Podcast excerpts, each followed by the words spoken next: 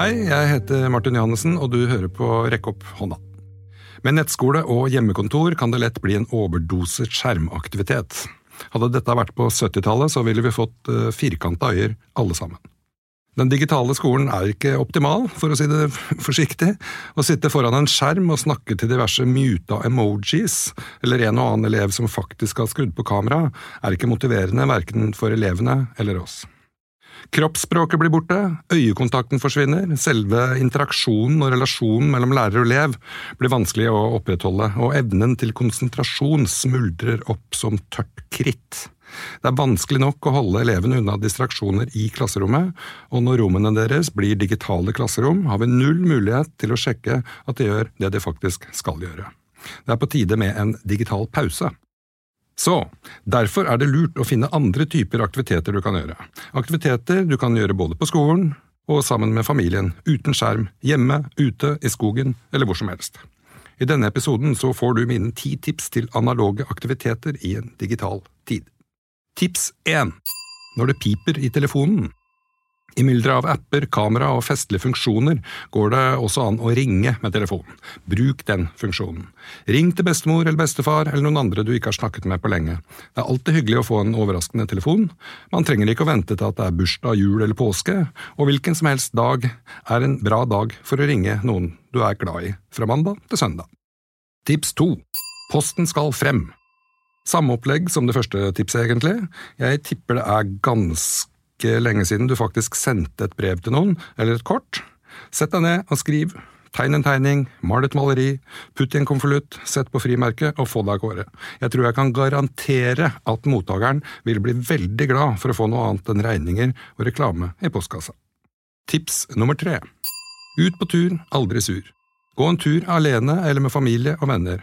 Og er det både snø og bakker i nærheten der de bor, ta med dere et akebrett eller to, møt folk, ha det gøy, ta med skøytene til skøytebanen, eller bare gå en rolig tur og nyt fraværet av dingser og duppeditter, hjernen din vil blomstre.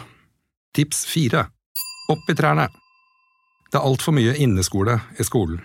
Stol, pult og tavle er fine oppfinnelser, men overgår aldri selve naturen. Så hvorfor være inne når alt håp er ute? Ut i skogen, opp i trærne, eller bare en ekstra tur i skolegården. Uteskole er gøy. Uteskole gir deg mange muligheter til frihet og stor grad av tilpassa opplæring. Uansett om skolen din ligger midt i byen eller i mer landlige omgivelser, er det mye å se og lære ute. Tips fem Brettspill, sjakk og kort.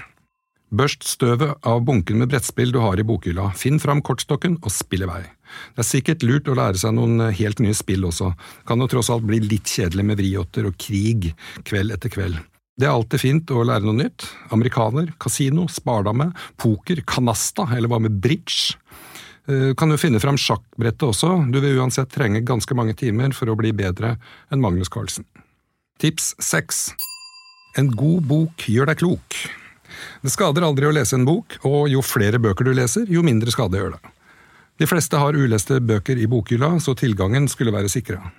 Alle former for lesing er bra, høytlesing og lesing inni deg. Når du leser eller blir lest høyt for, trimmer du samtidig din egen språkforståelse. Språkforståelsen er en muskel som aldri får nok trim, men som heller aldri blir sliten. Jo mer lesing, jo mer forståelse. Tips syv Lær deg navnet på ti fugler. Alle ser forskjell på måke og kråke, men vet du hvordan en pilfink ser ut, eller en nøtteskrike? De er faktisk blant landets ti mest vanlige fugler. Både byen og naturen kryr av fjærkledde etterkommere av dinosaurene som du kanskje ikke vet navnet på, og da er det en god idé å gjøre noe med det. Men vær obs, det kan bli en besettelse. Enkelte blir så ivrig at de ikke gir seg før hver eneste fugl i verden er på plass i hukommelsen. Tips åtte Lær deg navnet på ti trær. Det samme gjelder kanskje for trær. De fleste vet hvordan en bjørk eller et juletre ser ut, men vet du hvordan ord, ask og alm ser ut? En lærer jeg hadde på lærerutdanninga mente at alle burde vite navnet på minst ti trær, så her er det bare å komme seg ut. Jeg garanterer at det blir mer moro å gå tur i skogen når du vet hva trærne rundt deg heter. Tips 9 Alle verdens land og riker Akkurat nå er det 193 land i verden. Oppgaven blir å lære deg navnet på alle sammen. Det er sikkert lurt å begynne med en verdensdel, f.eks. for eksempel Europa. Når du har lært deg navnene på disse, altså over 40 land, så går du videre til neste verdensdel. Hvis du trenger en bonusoppgave, så kan du lære deg hovedstedene også. Og husk her, googling er forbudt, leksikon er lov. Da jeg var barn, så gjorde en kompis og jeg dette her hele tida. Vi lærte oss navnene på alle land og hovedsteder først. Så lærte vi oss hvilken myntenhet landene hadde. Favoritten vår var drakme, så kan du jo prøve å finne ut hvilket land det var i. Så tok vi tak i høyeste fjell, lengste elv og andre morsomme saker i geografien. Til slutt lagde vi et slags spill av det hele. Den som huska mest, vant. Tips 10. Mat må man ha. Lag mat sammen. Det er mye hygge rundt det å lage et måltid sammen, og middag må man jo ha likevel. Ta med barna på kjøkkenet og kok og stek, bak et brød eller bak en kake. Man kan jo alltids trene på enkelte matematiske emner også, sånn som liter og kilo og sånt, men det er ikke det viktigste. Det viktigste er å lage maten sammen og spise den opp. Tenker du at ti tips er for lite? Ok, her er et bonustips. Lag noe fint. Enkel snekring kan fint gjøres hjemme. Hvis du har noen rester, plankebiter og materialer liggende, er det utrolig hva man kan lage. Det trenger ikke være nyttig, det holder at det er gøy. Du kan finne fram strikkepinner og heklepinner og rot fram garnnøstene som du helt sikkert har liggende et sted. Det er alltid noen som trenger nye grytekluter. Og hvis du ikke har lyst til å lage noe, så kan jeg anbefale demontering. Demontering av alt ræl som venter på å komme seg til nærmeste gjenbruksstasjon.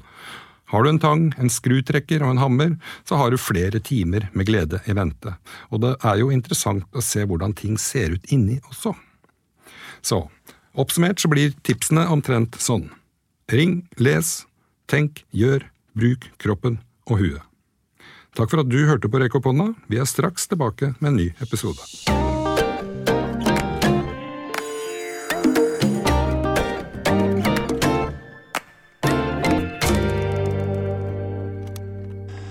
Produsert av